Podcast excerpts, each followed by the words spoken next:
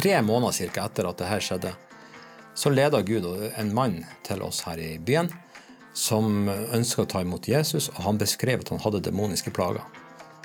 Og, eh, og vi syntes dette var veldig veldig spennende, så var jo bevra litt med å gå inn i det og lurte på hva kunne skje. Han tok imot Jesus, og vi døpte han, og så skulle vi legge hendene på han etterpå og be for han, og da, i det øyeblikket, så går han i bakken. Når vi leser Bibelen, så ser vi at den nevner både engler og demoner rimelig ofte. Maria Magdalena ble befridd fra flere demoner. En engel viser seg for både Maria og Josef, og flere steder ser vi at Jesus driver ut demoner av folk. I det sekulariserte Norge snakker vi ikke så veldig mye om verken engler eller demoner lenger. Men de er vel en realitet fortsatt? Eller er det kun noe Durek og Martha driver på med som vi andre kan flire av? I ikke-vestlige kristne kulturer er det langt mer vanlig å snakke om og erfare opplevelser knytta til engler, demoner og åndskrefter. Finnes det sannheter om den åndelige virkeligheten som vi i Norge har mista?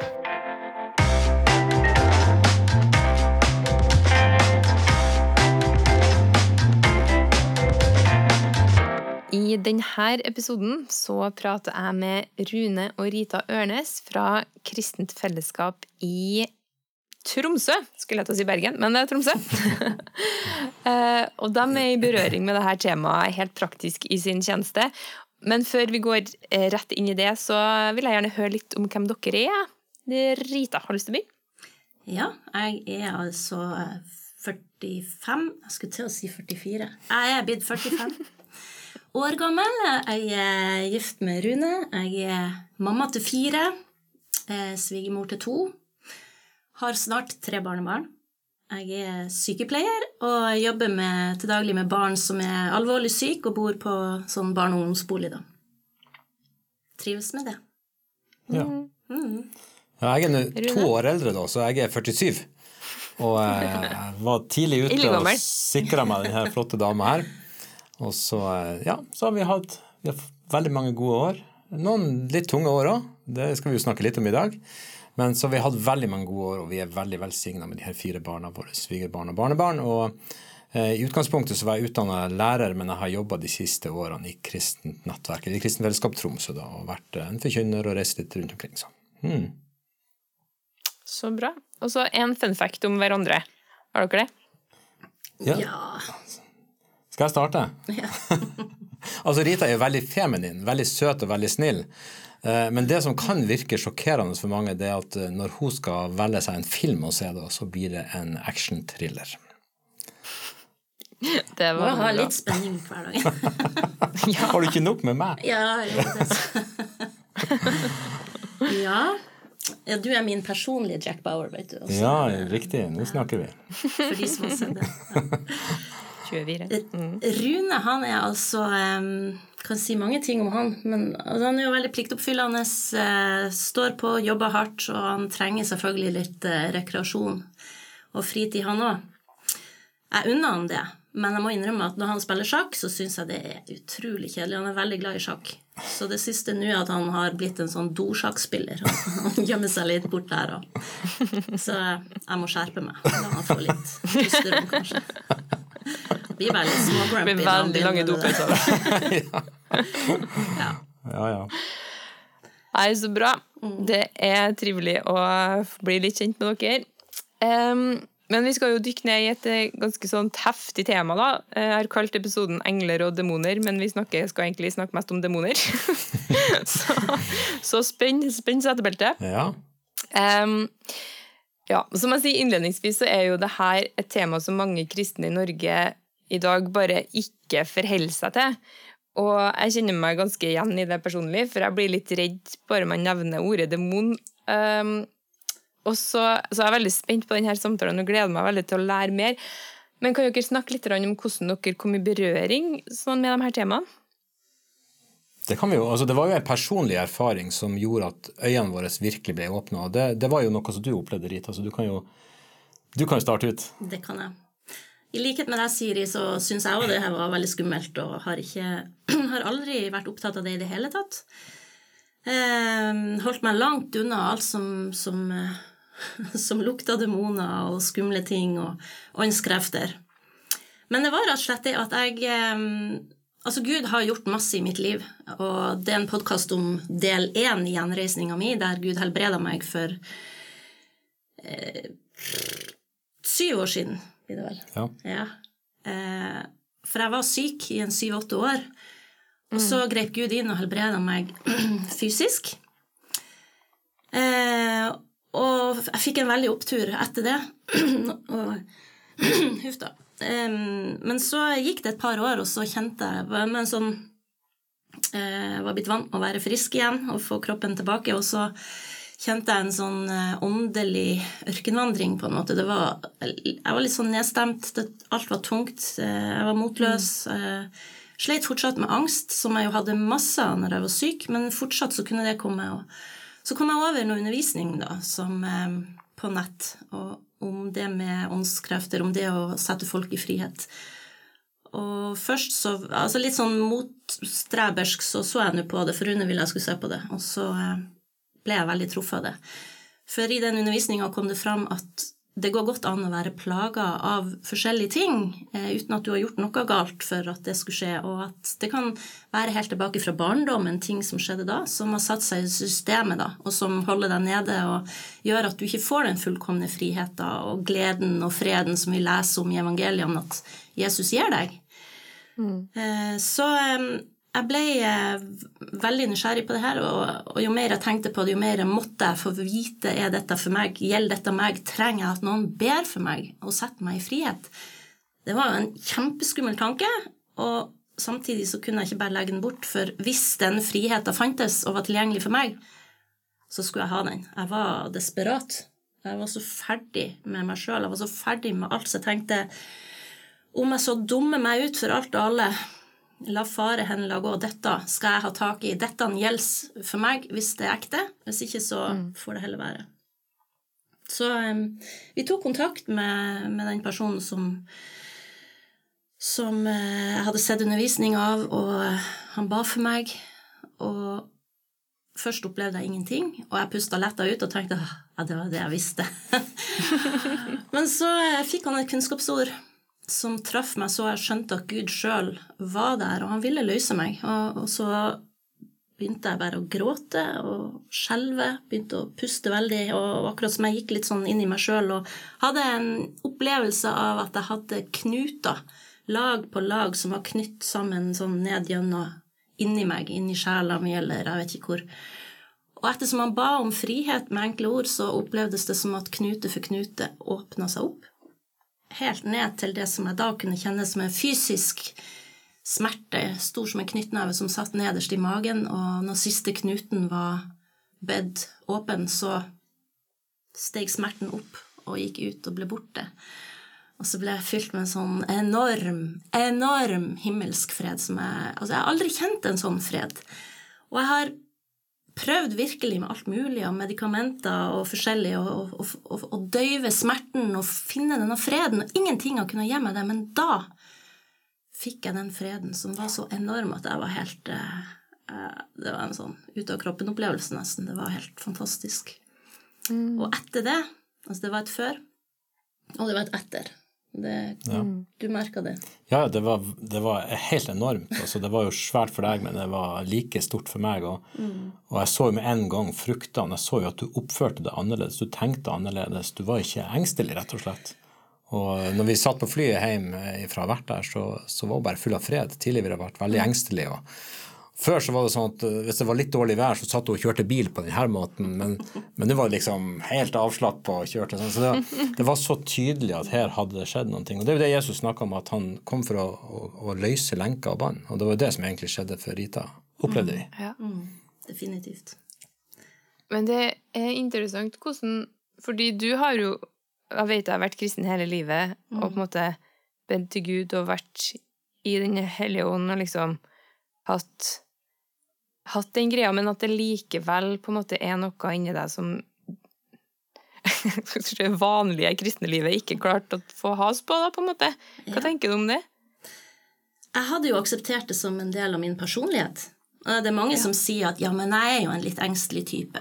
Eller jeg er jo så introvert, jeg, jeg trenger min space, jeg må ha mitt rom. Jeg må skjerme meg litt for folk. Jeg kan ikke være sosial hele tida. Eller jeg eh, liker ikke store folkemengder. Eller jeg, Folk sier 'jeg har sceneskrekk'. Ja, har de sceneskrekk, eller er det noe annet? Altså, hvorfor er de ufri? Hvorfor er de ikke fri til å bare by på seg sjøl, vise hvem de er? Um, ja, jeg, Men det er det som skjer. Folk, man aksepterer de her løgnen, Satan er løgnens far, og han hadde servert mm. en hel del løgner om meg og min personlighet som jeg hadde Jeg tenkte at ja, men det er sånn jeg er. Og ja. han hadde akseptert det. Sånn kona mi er. Jeg må bare tilpasse meg. Vi må finne ut av Vi finner, altså, vi finner vår måte å leve på med dette. Og så er det jo ikke sånn at man sitter og har angstanfall 24-7 år etter år. Det er jo Jeg syns jo egentlig ting gikk ganske bra. Jeg syns jo at jeg hadde mm. fått eh, sår fra barndom og oppvekst på avstand. Jeg ble mobba når jeg var på, på, skolen. Og det gjør jo noe med selvbildet, med selvfølelsen, med ja, forskjellig. Og jeg hadde jo fått det på avstand. Og gikk ikke og tenkte på de vanskelige tingene og sånn til vanlig. Og jeg hadde også mista mammaen min sånn brått og, og uh, eh, uventa i mars samme året. Og jeg ble bedt for dette skjedde i begynnelsen av oktober 2017. Ja. Og det merka jeg også at um, etter jeg ble bedt for, så var den vonde, vanskelige sorgen knyttet opp til mamma, den var borte. Og så var det bare den sunne, skulle si gode sorgen igjen, da. Ja, ja. Der òg Jeg hadde jo ikke tenkt på at det var noe mm. Altså, det er jo normalt å kjenne det vanskelig når mammaen din plutselig dør. Ja, ja. En, ja. Men så, sånne umerkelige ting. Det, det, var jo på en måte en rot som da ga forskjellige konsekvenser i livet. Mm. Og jeg syns Jesus illustrerer det på en veldig fin måte i Johannes 10 når han sier at tyven kom for å stjele, drepe og ødelegge. Men han kom for at vi skulle ha liv i overflod. Og det, var sånn vi opplevde det egentlig var. Det var, det var så mye ting som ble røva fra Rita. Og så kan man jo ta diskusjon. Hva er det som er demonisk i alt det her? Og, og er alle som er redd eller har sceneskrekk eller sånt, er det demonisk? Nei, det er det absolutt ikke. Men det hender at det er ting som har med åndskrefter å gjøre, som får den type konsekvenser i livene. Og det var det vi kunne se, at der var det en momentant inngripen fra Kristus som gjorde at Rita da ble totalforvandla der og da. For andre så vil det være mer kanskje en gradvis justering gjennom at de vasker seg i ordet, ikke sant? at de får en fornyelse av sinnet osv. Ja, fordi at du vil ikke si at du var besatt av en demon, Rita? Nei, nei, nei. Nei, nei det har aldri vært. Men, jeg, eh, Jesus bor i hjertet mitt, altså. Han er min konge. Det er han som styrer i meg. Men det var en som drev og plaga meg. Det var ja. det. Mm. Som, som, kristne så er vi gudsbesatt. Vi er ikke demonbesatt. Ja. Og dessuten så er det der ordet 'besatt' det er egentlig ikke spesielt bibelsk. Det er brukt dessverre i en del oversettelser, bl.a. King James, og det er også brukt i Norsk bibel og 78-utgaven også. Eh, men, men det ordet er egentlig daimonitsomai, og det, det, betyr egentlig å på et eller annet vis være underlagt eh, en demonisk påvirkning. Ja, ikke sant. Og det er noe helt annet, for besatte det antyder egentlig eiendomsrett. Og det er ganske ja. spesielt å tenke på. Og det, og det, er jo veldig Hvis man leser evangeliene, så ser man at det er veldig ulik grad av plage. Du, du finner noen på tempelplassen som, som blir, ut, de, blir, de blir løst fra ei urein ånd. og så så ser du jo nå at mann med gravhula blir løst fra en legion demoner, så er jo nivåene her litt ulike, da. Så du kan si, ja. I Rita sitt tilfelle så var det noen ting som hadde fått lov til å regjere et område i livet hennes. Men hun ble løst. Og, og det her ja. tror vi også tilhører evangeliet, da. Det fulle evangeliet. Ikke sant. Mm. Men kan det på en måte oversettes til til at det er noen løgntanker som på en måte har fått rotfeste i deg, og så bare ligger de og, og utvikler seg og ruger og bare får store konsekvenser ja, i livet? ja, det går godt an å si det sånn. Jeg tror jo at eh, når det kommer en løgn, så har man to valg. Enten så kan du si at 'vet du hva, det der tar jeg ikke imot', og så få det bort med en gang eh, og stå imot det. Eller så kan man av ulike årsaker bare akseptere det og ofte skjer det jo litt umerkelig og gradvis og sånn òg. Og jeg tror for mange så er ikke så snart man opplever noe tungt og vanskelig, eller noe sånt, så er det demoner som plager deg, eller um, Ting skjer i livet, men så er det Får det lov å bare ligge der og være der, eller får man hjelp til å få det bort? Mm. Så ja. du kan godt si det sånn, ja.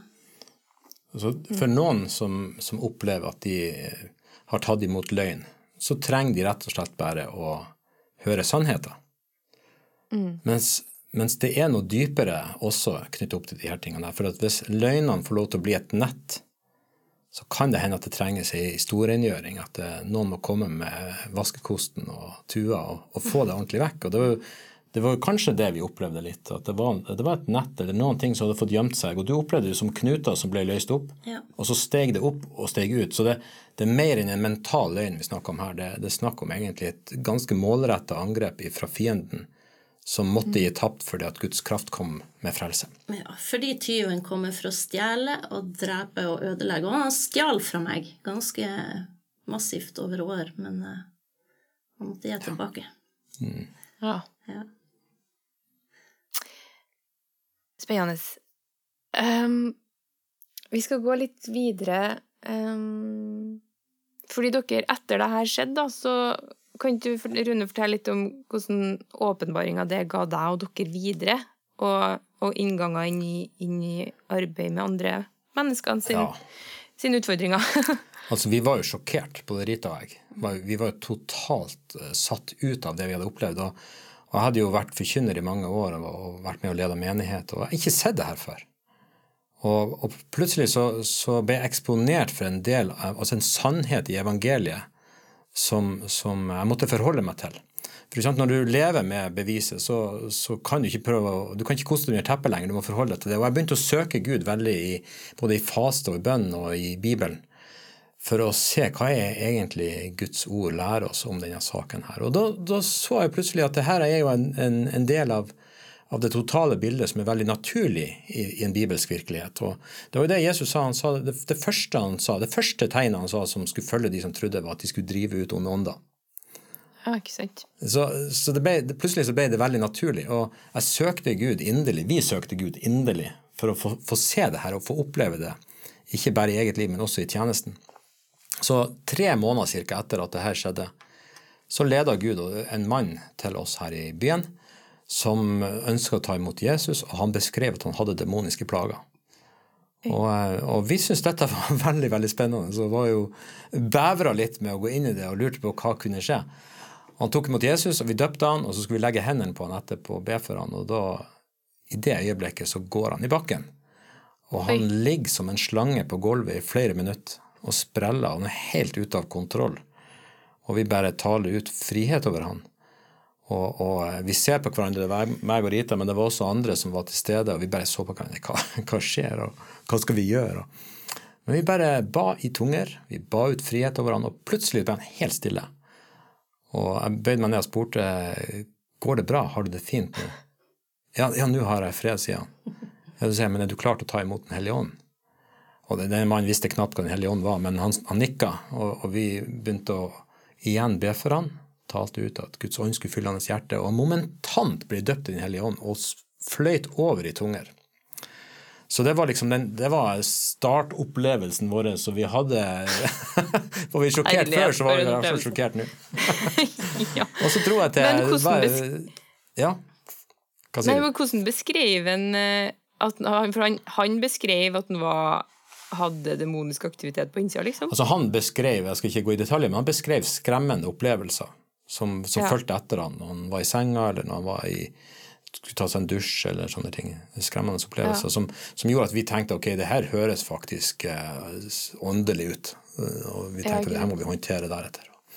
Ja. ja. Så fikk jeg en annen artig opplevelse. Jeg for til India, og vi var på et sånn ledersamling. Og det ikke jeg visste det var at det var en, en landsbymann som hadde havna inn på det her møtet. Han var ikke frelst engang. Så når det var forbønnskø, så havna han i min kø.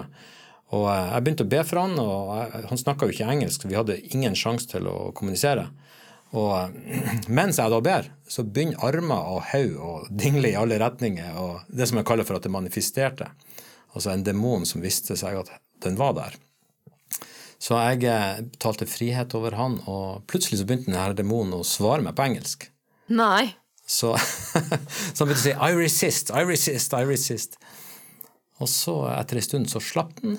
Og eh, jeg skjønte jo egentlig veldig lite, men jeg fikk høre dagen etterpå at denne mannen her, han hadde da tatt imot Jesus etterpå. Og, og blitt født på ny. Så, eh, ja, så, så, Gud ga oss noen type erfaringer da, både i byen og i, også ut av landet, som, som, viste oss at vi var på sporet av noen ting.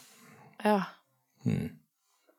Herlighet. Det er jo litt sånn Den rasjonelle sida av meg sitter jo bare Nei, nei, nei, det her er jo det, Men liksom Det er jo helt sånn fordi at i vår verden så er man så utrolig sånn Litt sånn indoktrinert med at det, du, det du kan Ja ja, det her så dere jo. Ja. det er sånn Det er jo ikke sånn Ja. Men skjønner dere hva jeg mener? At jeg blir ja, ja. helt sånn Er det sant, eller er det ikke? Men det er jo ikke at jeg ikke tror på dere. Men det er bare Nei, du tenker akkurat sånn som vi tenkte før. Ja, ikke sant? ja. Mm. Men ja. Hva er det som på en måte Ja, for det er forskjellen sånn som du, Rita, der var det liksom ubearbeida ting som, som var inni deg, som trengte å komme ut. Og sånn som han mannen i India, så var det Eller han første mann dere snakka om, så var det liksom noe mer sånn ja. Mer hva er forskjellen? Kan ikke dere snakke litt om det? Hva, og, ja, altså jeg tror sånn, Det er jo åndelig virkelighet, mm. alt sammen, men er ja. det ene mer enn demon enn det andre? Eller skjønner du hva jeg mener? Ja. Altså, noe er jo demoner. Ja. Og eh, eh, noe er kanskje mer sånn eh, festningsverk sånn langtanker f.eks., og sånn som har satt seg i system, og som, som forårsaker helt reelle problemer. Da. Sånn som for min del så var det jo angstproblematikk, litt sånn depresjonstendenser. Eh, sånn som hemmer meg i livet. Mens eh, for de som virkelig har demoniske plager, så kan det jo være at de de her demonene plager de i søvne, og noen sier jo at de ser ting og sånn. Jeg har aldri sett noe som helst. Jeg har aldri sett noe verken demoner eller engler eller noen ting. Mens andre påstår at de, eller sier at de ser sånt overalt. Og, eh, men vi er ikke så opptatt av hva som er hva. Poenget vedkommende er ikke fri. Eh, ja, ikke sant? Og Kristus ønsker at de skal få bli fri. Ok, ja. men da ber vi om frihet for dem, og så ser vi hva som skjer. Og noen ganger skjer det ingenting. Mm. Og da kan vi jo kanskje si at eh, ja, men ja. Altså, det er jo sånn så Vi leser jo at Jesus eh, på ene sida så taler han til feberen som om at det nærmest er en sykdomsånd som er der. Mm. Og i neste øyeblikk så driver han ut eh, ånder som har gjort stum, eller som gjør at folk kaster seg på ilden, eller for den del denne mannen med gravhula. Mm. Så vi ser jo at også der er jo de ulike nivåene veldig virksomme og veldig tydelige. da. Mm. Mm. Og jeg tror at det samme bildet er i dag, og til og med i Norge i dag, selv om det høres ganske sjokkerende ut. Så jeg tror at det er folk som mer eller mindre er inntatt, hvis det er et godt ord å bruke. Men jeg bruker en illustrasjon der. For jeg hadde en datamaskin som jeg hadde litt virus på. Og datamaskinen funka, det gikk greit å bruke den, men det hendte at et program avslutta seg sjøl mens jeg holdt på å jobbe med det. Så det var irriterende, men det var ikke det var ikke sånn at jeg måtte kaste datamaskinen eller sånt. Men, men, så, men, så, hadde jeg en gang, pga. det problemet der, så fikk jeg en venn av meg til å koble seg opp på min datamaskin. Han bodde en helt annen plass i landet. Han hadde et program som gjorde at han kunne gjøre det. Og Der satt jeg og så på min egen datamaskin at det var noen andre som styrte den. Den ble overstyrt. Jeg kunne ikke gjøre noen ting. Og da, da tenkte jeg at dette er jo en fin illustrasjon. Det å ha et lite virus kan skape litt irritasjon. Men nå sitter her og er fullstendig overstyrt. Og, og er, det, Vi har møtt folk som er overstyrt. Vi har møtt folk som vi har bedt for, så har de blitt helt tatt av altså de, Nesten så de går inn i en transe. Mm. De er ikke i stand til å håndtere sitt eget liv. Eh, og, og, da merker man jo at det er på en måte en, en større dybde i problemet, selvfølgelig, og kreftene virker til å ha større makt. Men det her har vi ikke veldig mye svar på. Nei, men det er Men jeg tenker hvor viktig er det å fylle dem opp igjen? Eller sånn, hvis man opplever at noen på en måte blir fri fra noe, ja. da må ikke man stoppe der, tenker jeg. Eller? For all del, ikke stopp der. Nei. Det er jo helt avgjørende. Og, ja. Altså, hvis du ber eh, noen fri fra plager og demoner, vær så snill, fyll dem med en hellig ånd etterpå. Det, ja. Altså det, det, jeg tror det er i Lukas 11 det står at dersom en demon forlater et menneske, så drar det rundt omkring hjemløs ute på øde altså i, i ødemarka og lengter etter å komme tilbake. Og hvis den kommer tilbake, og der er feid og pynta, men ikke fylt med noe annet, så tar den med seg sju stykker som er verre enn seg sjøl, og flytter inn. Mm. Så det er kjempealvorlig, det du spør om her. Det er så viktig at det blir en fylde av Gud. Av ja. Guds ånd, av Guds ord. For demoner er jo egentlig personer uten kropp, og de er på jakt etter en kropp å bo i. Mm. Så eh, sørg for at hvis du hiver de ut, så er det noen andre som må bo der, og det må være Den hellige ånd. Ja. Hvis ikke så kommer de tilbake, og da blir det enda verre enn det var først. Mm. Mm. Men har dere noen gang opplevd å sette noen fri som ikke er, er kristen? Oi, det var et godt spørsmål. Nei, eller altså Vi har vi har bedt for mange som har vært kristen i mange år, og så har vi bedt for noen som har vært helt uh, nyfrelst, men som f.eks. ikke har fått forløsning av tungetalen, og som ikke skjønner hvorfor får jeg ikke tungetalen. Uh, og da har vi bedt for dem, og så har, har de blitt fri fra ting, og så har de plutselig begynt å snakke i tungen, og i dag har fylt dem med Den hellige ånd. Men eh, det som er viktig når man skal be for folk, er at du kan jo ikke bare gå rundt og begynne å be i hytt og pine for hvem som helst og, og, sånn. Det er jo kjempeviktig at den som du ber for, ønsker det sjøl oppriktig. Du ja. bør være desperat. Det er for desperate folk, det her. Mm. Eh, det er ikke sånn at liksom Ja, nei, ja, du kan godt prøve å be for meg. Det jo, altså, nei, du bør vite at du har et problem, og du bør være villig til å gi hva som helst for å bli kvitt det problemet, for da kommer Guds kraft. Da blir du løst. Ja. Eh, man leker ikke business. Så um, mm. ja. Vi, det er jo klart at vi har jo opplevd i, i det øyeblikket at folk tar imot, er helt i fødselen, så har vi jo mange erfaringer på at, at folk har blitt løst fra ureine ånder, fra onde ånder, fra skremmende ting. Eh, og så blir det som en del av fødselen. Og jeg tror jo det er meint at det skal være sånn, egentlig. Jeg tror, altså jeg tror i utgangspunktet at kristne ikke skal ha demoniske plager. Det skal være unødvendig. Men jeg tror ikke vi har gjort jobben i dette landet her, da. Ja. Så jeg, han er inderen jeg snakka om, han er jo en, en forkynner med mye erfaring og apostel i Chandra Kant, heter han. Og jeg spurte han hender det at, at dere må løse kristne fra onde ånder. Og så svarte han meg det it happens, but not very often. Eh, ja. Så det fortalte meg ok, da erfarer de òg det. Eh, men jeg tror ikke det er meninga det skal være sånn. Jeg tror den første kristne kirke var veldig god på å deale med nettopp hele denne sannheten i å tømme først, og så fylle. Og han sa det at, eh, han Kant sa det at det hendte at de ba for et menneske i flere timer. Og så gikk de hjem og spiste middag og tok seg en kopp kaffe og la seg og sov. Så sto de opp, gikk tilbake neste dag og fortsatte jobben.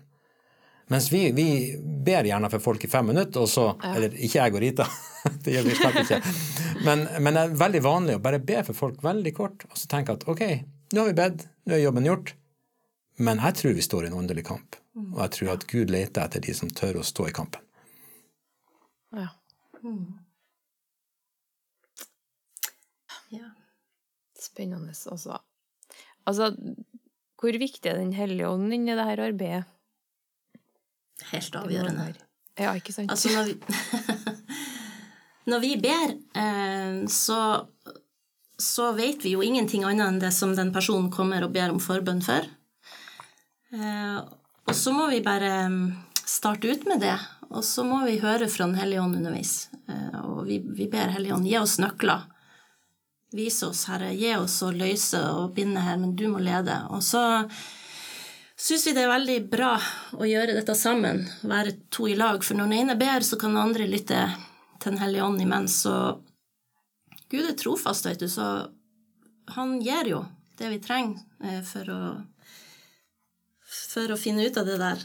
Så eh, da ber vi bare i forhold til det vi opplever Den hellige ånd tale om. Selv om vedkommende sjøl ikke har fortalt at de sliter med ditt eller datt eller har opplevd sånn eller sånn, så ber vi i forhold til det. og, og eh, så er det jo veldig ofte at vi da treffer, at vi ser en, vi ser en reaksjon. Vedkommende kan begynne å rope eller begynne å sprelle eller begynne å gråte eller plutselig brøle veldig sint eller plutselig ja, forskjellige typer, som han sa, som vi kaller for manifestasjoner. Som viser at oi, det her er ikke denne personen vi ber for, det er en helt annen type atferd, og her er det et eller annet. Mm. Så ber vi om frihet i forhold til det, og så plutselig så slipper det, og så blir det fred og ro, og personen blir seg sjøl igjen og sånn. Og, Og så hender det at vi, når vi har bedt en stund, og sånn, så, så, stopper vi, så sier vi til personen Opplever du når vi ber nå, er det noe du kommer på? Er det noe du ikke har fortalt, som du ønsker nå at vi skal be for? Og ofte så, så har Den hellige ånd minnet den personen om brakt opp ting som du kanskje ikke tenkte på engang, og som mm. faktisk viser seg å være hovedrota til hele problemet da, når vi, mm. når vi Altså, Guds ord snakker jo om en av åndens gaver er å skille ånder. Og nå vet jeg jo at det er litt ulike tanker om hva den nådegaven er. Eh, jeg tenker at eh, vi på et vis opererer i den nådegaven når vi ber for folk. For det eh, er en, en, dialog med Den hellige ånd som avdekker ting som er skjult. Og, og veldig ofte etter at vi har bedt, så sier folk at dette sa ikke jeg, men dere bar rett inn i det Altså vi, vi, vi, har ved Den hellige ånds ledelse adressert veldig spesifikke ting. Og enda er vi der at vi, eh, vi trenger å lære mer og trenger å erfare mer av denne følsomheten med Den hellige ånd. Så vi sitter jo her og føler at vi bare så vidt har begynt å ta tak i det her. Og likevel så får vi lov til å være med på sendepodden om det. ja, det er utrolig spennende å høre på. Eh, men, men hvordan Fordi at er det noen ganger dere har tenkt at nei, det her, her, det her er psykiatri, liksom? Det her må vi Det her er ikke ja. åndelig virkelighet? Eller åndskrefter? Ja.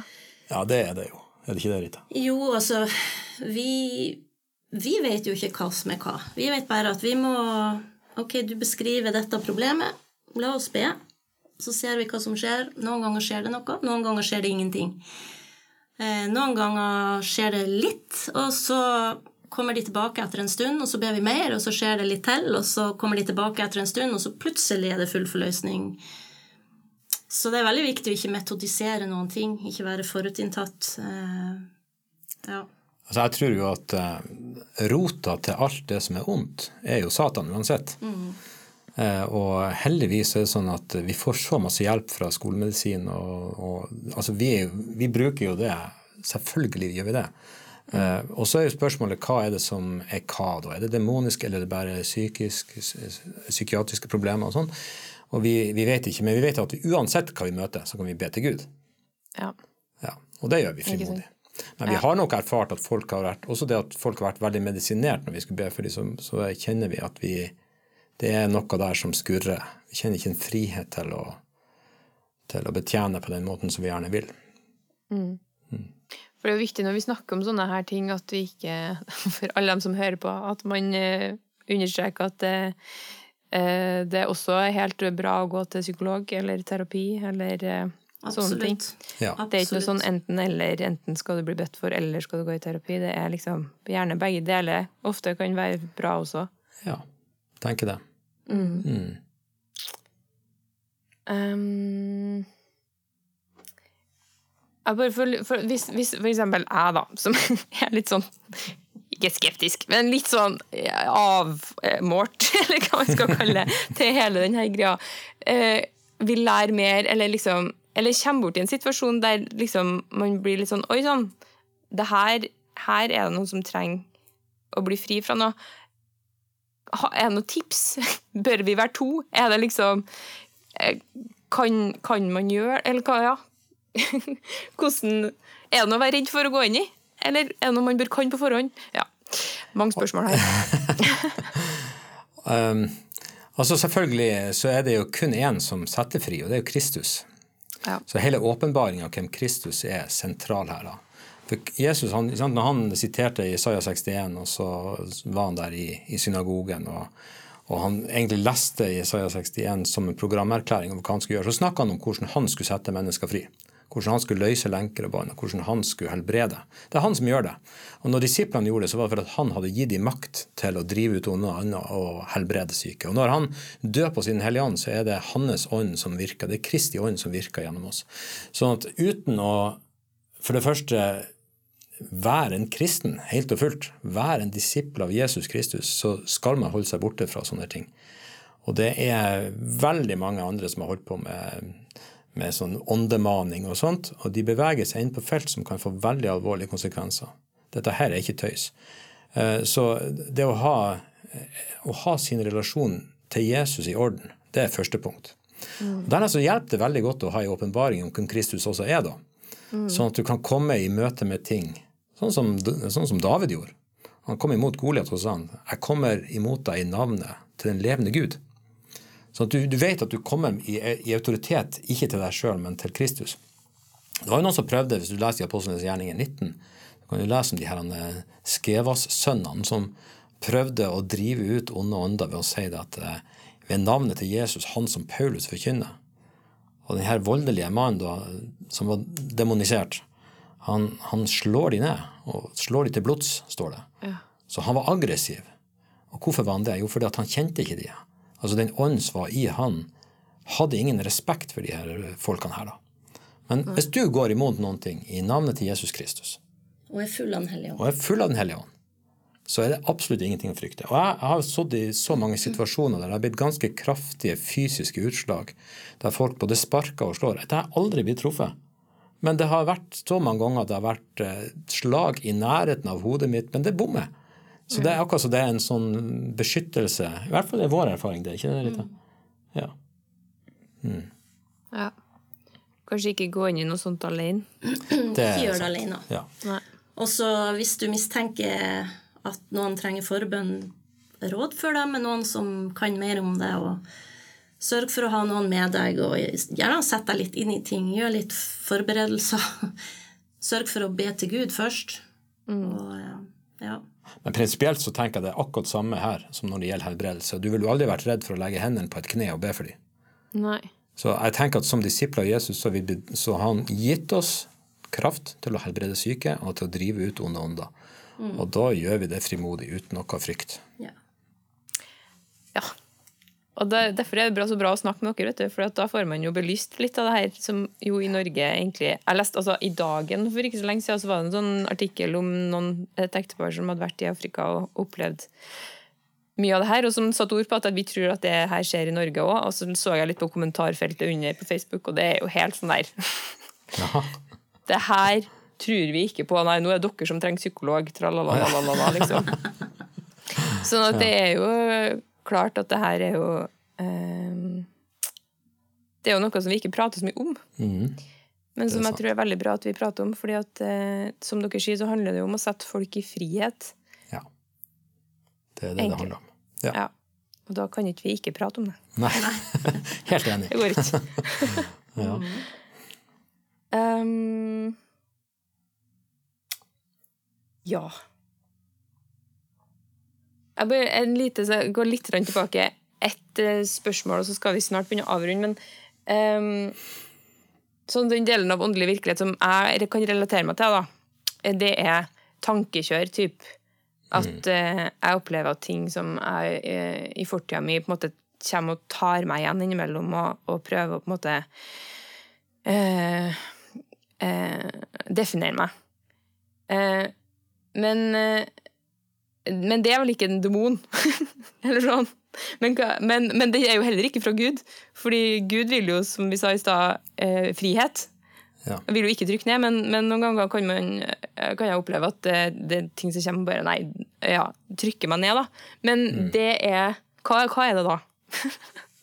nei, jeg, jeg, vet ikke hva man skal kalle det, men, men altså, det var det jeg opplevde. At, at det var noe som stort sett ikke var der, men plutselig kunne det bare komme ting fra fortida eller en, en, et reaksjonsmønster, eh, en tanke eller følelser som, som bare tok meg eh, ned. Og jeg fikk, ikke, fikk det ikke bort av meg sjøl, på en måte. Det innhenta meg liksom sånn jevnlig og når det minst passa sånn.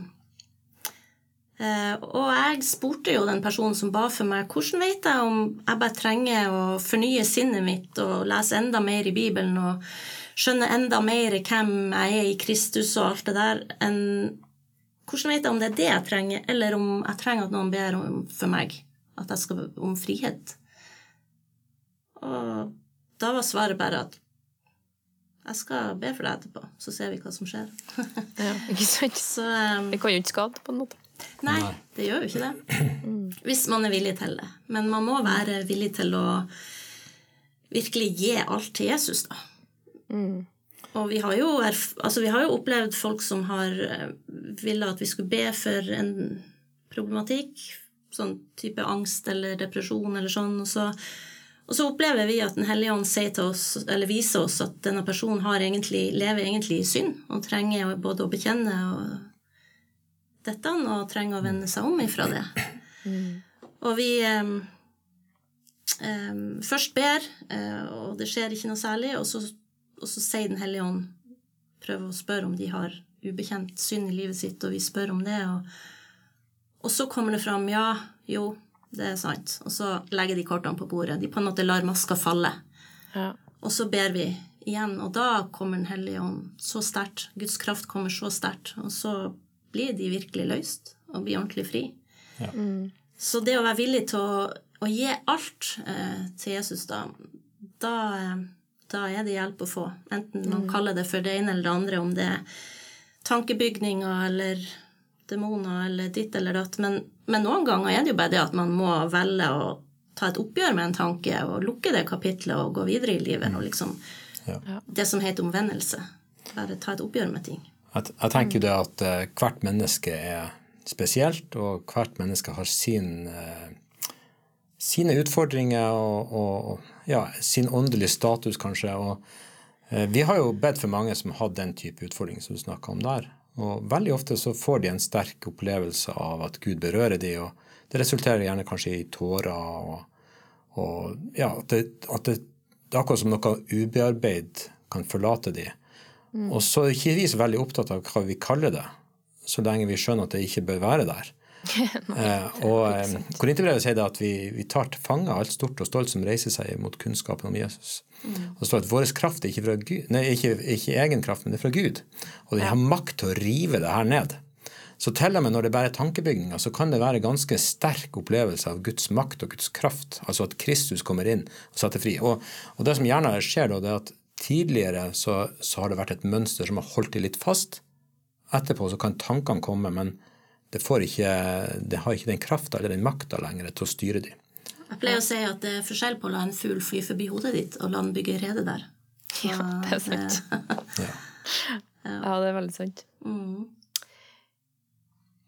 Um, hva med, altså, det kan jo være lett å overåndeliggjøre ting òg, da. Eller sånn der Bilen har streika, og vi skal på møte. Det er Satan. Ja. liksom, eh, nå som vi skulle ta opp denne podkasten, så måtte vi begynne på nytt en gang, for at vi ikke fikk det til å funke. Hva, hva er det som har skjedd? Men det er liksom hva, så, Hvordan kan man jobbe seg fram til sånn sunn åndelighet? Ja, det, det der er jo et viktig spørsmål. Altså, jeg jeg syns det er så mye sprøyt og så mye tøv som, som foregår. Altså, vi, er, vi lever i en fallen verden. Eh, sola går oppover, både rettferdig og urettferdig, og osv. osv. Vi, vi erfarer de samme tingene som folk flest erfarer. Men det er sant at av og til så kan man erfare at det er, eh, det er viktige ting som skal gjøres, som blir forhindra. I apostlenes gjerninger så står det om hvordan Satan hindra de å komme inn et sted. Eh, sånn at det er klart at den onde prøver jo å stoppe oss, men jeg syns at man skal, være, skal, se noen veldig tydelige tegn før man begynner å bruke sånne typer ord. Ja. ja. Og, og, i så fall så er det, er det mest hva som foregår oppi hodet mitt. fordi at eh, de tingene jeg møter, skal ikke egentlig ha noe påvirkning på meg. Om det blir en teknisk utfordring eller et punktert dekk eller noe sånt, så ja, ok, vi lever i denne falne verden. Vi opplever de utfordringene vi gjør, men Gud er mektig uansett. Ja. Men når det er sagt, så, så har vi bedt for folk som beskriver et liv av Der det har vært systematiske traumer og ulykker og hendelser som liksom Det har vært så påfallende mye elendighet, og der det viser seg at eh, Eller når vi da ber for dem, så, så blir de satt fri eh, fra forskjellige ting. Og så kan de da fortelle at ja, jeg hadde ei, bestemor, eller jeg hadde en eh, ja, foreldre eller besteforeldre som drev innafor okkulte ting, eller sjamanisme, eller eh, for den del frimureri. Eh, og, og da er det jo naturlig å tenke at en del i hvert fall av de tingene de har vært utsatt for, ikke har vært tilfeldig i det hele tatt. Mm. Samtidig så skal man passe seg, som Rune sier, for å åndeliggjøre alt og tenke at alle problemer, all motgang, er, er demoner. Så um, man må leve balansert og kunne ha to tanker i hodet på en gang. Passer det seg både for grøfta til høyre og grøfta til venstre. Ja. Gå, gå, midt på veien med Den hellige ånd. ja. Mm. ja. Lurt. Helt avslutningsvis, hva er det dere ønsker at flere kristne i Norge skal få øynene opp for, eller åpenbaring om, når det kommer til det vi har snakka om i dag? Det er jo Vi må forkynne et helt evangelium. Det er Jesus Kristus som setter fri. Det er han som frelser. Det er han som Altså, det er han alt handler om. Eh, og det er så lett å bare si at ja, hvis du tror, så skal du bli frelst og leve et happy liv, liksom. Og så ikke si noe mer enn det. Mm. Vi må forkynne ja. full pakke, et helt evangelium. Det er jo interessant å lese evangeliene og se at Jesus han kom ikke med sånn hjelp til selvhjelp i de her prekære situasjonene. Han kom, og det var Guds kraft til frelse der og da. Og jeg savner jo å se at det er For det er veldig mye teorier, det er veldig mye bøker om hvordan du skal kunne lykkes, osv., osv. Men eh, det som Rita opplevde på ti minutter, det kunne ikke 10 000 bøker ha lært henne. Det var Guds inngripen, det var Guds kraft til frelse. Og, og det her, dette er en veldig viktig demonstrasjon av Guds rike. Mm. Vi ber til Gud, la, ditt himmelrike, eller la himmelriket komme. La din vilje skje på jorda som i himmelen. Og da tenker jeg, vi som kristne, vi må innvie oss, så må vi si, Herre, la det skje. Vi er villige til å se litt sånn tåpelige ut. Vi er villige til å, å eksponere at vi tror på en ordentlig virkelighet, og vi er villige til å stå fram og deale med det vi ser. Ja. Og så som vi snakka bitte litt om i stad, så kanskje det handler om at det er en jobb, liksom. Du ja. må bli flinkere til å gjøre jobben. Eller sånn. At ja. fem minutter til, kanskje ikke. Ja, det er helt sant. Det her er noe ja, vi, vi det krever litt av oss. Altså, vi, har, eh, vi har bedt for folk opp mot fire timer, altså med, med sterke sånn type manifestasjoner hele veien, og vært så sliten når vi var ferdig at eh, Ja. Så, så, det er definitivt en jobb. Det er ganske krevende når man har gått litt inn i det. Eh, men, men det er verdt det. For når du ser at menneskeliv blir forandra, når du ser at folk får ny nåde til å bli disippelgjort mm. fordi at de ble løst, mm. så er det verdt det. Det blir mange sterke vitnesbyrd om hvem, hvem, Jesus er og hva han gjør. Ja, altså Når man får tilbakemeldinger, rapporter om at, eh, at altså Lenge etterpå får tikke det inn en melding og bare Jeg ville vente litt med å gi tilbakemelding, jeg måtte kjenne om dette var ekte, men jeg føler meg så lett, så ren, så fri. All den indre uroen er borte. Jeg kjenner en sånn fylde av Den hellige ånd. Jeg har ikke kjent det sånn her på 20 år. Det var helt fantastisk, og de, de, bare Tusen, tusen takk for dere tok dere tid, og at dere gadd, at dere orka. Det er liksom Endelig har jeg kunnet legge barndom og oppvekst bak meg. Jeg har kunnet lukke dette kapitlet. Nå har jeg endelig tro på framtida. Nå har jeg tro på meg sjøl. Nå ser jeg meg sjøl med nye øyne. Nå har jeg tro for å stifte familie. Nå har jeg tro for sånn og sånn. Nå kan jeg liksom Det er jo det som er frihet. Det er jo det som er å leve. Du skal ikke ja. gå med altså full av bånd. Så det er veldig sterkt. Eh, det er veldig sterkt. Vi blir veldig takknemlige og glade når vi får sånne tilbakemeldinger. Ja. Eh, det gjør veldig godt. og det gjør jo at det er verdt det. Altså, ja, så klart. Ja. Sant. Mm. Da tror jeg vi setter punktum for samtalen der. Men uh, tusen takk for at dere var med. Kjempespennende å høre på dere. Um, og det her eh, Jeg håper det her setter i gang noen samtaler rundt kjøkkenbordet. ja. ja, virkelig. Ja. Takk for at dere var med i Sendepodden. Takk for at du hørte på Sendepodden. Mer spennende stoff finner du på sennep.net, og du kan også følge oss på Facebook og Instagram. Sendepodden finnes i den podkastappen du bruker, og hør gjerne også på våre to andre podkaster, Alvorspraten og Bibelkvarteret. Sendepodden alt annet enn overfladisk.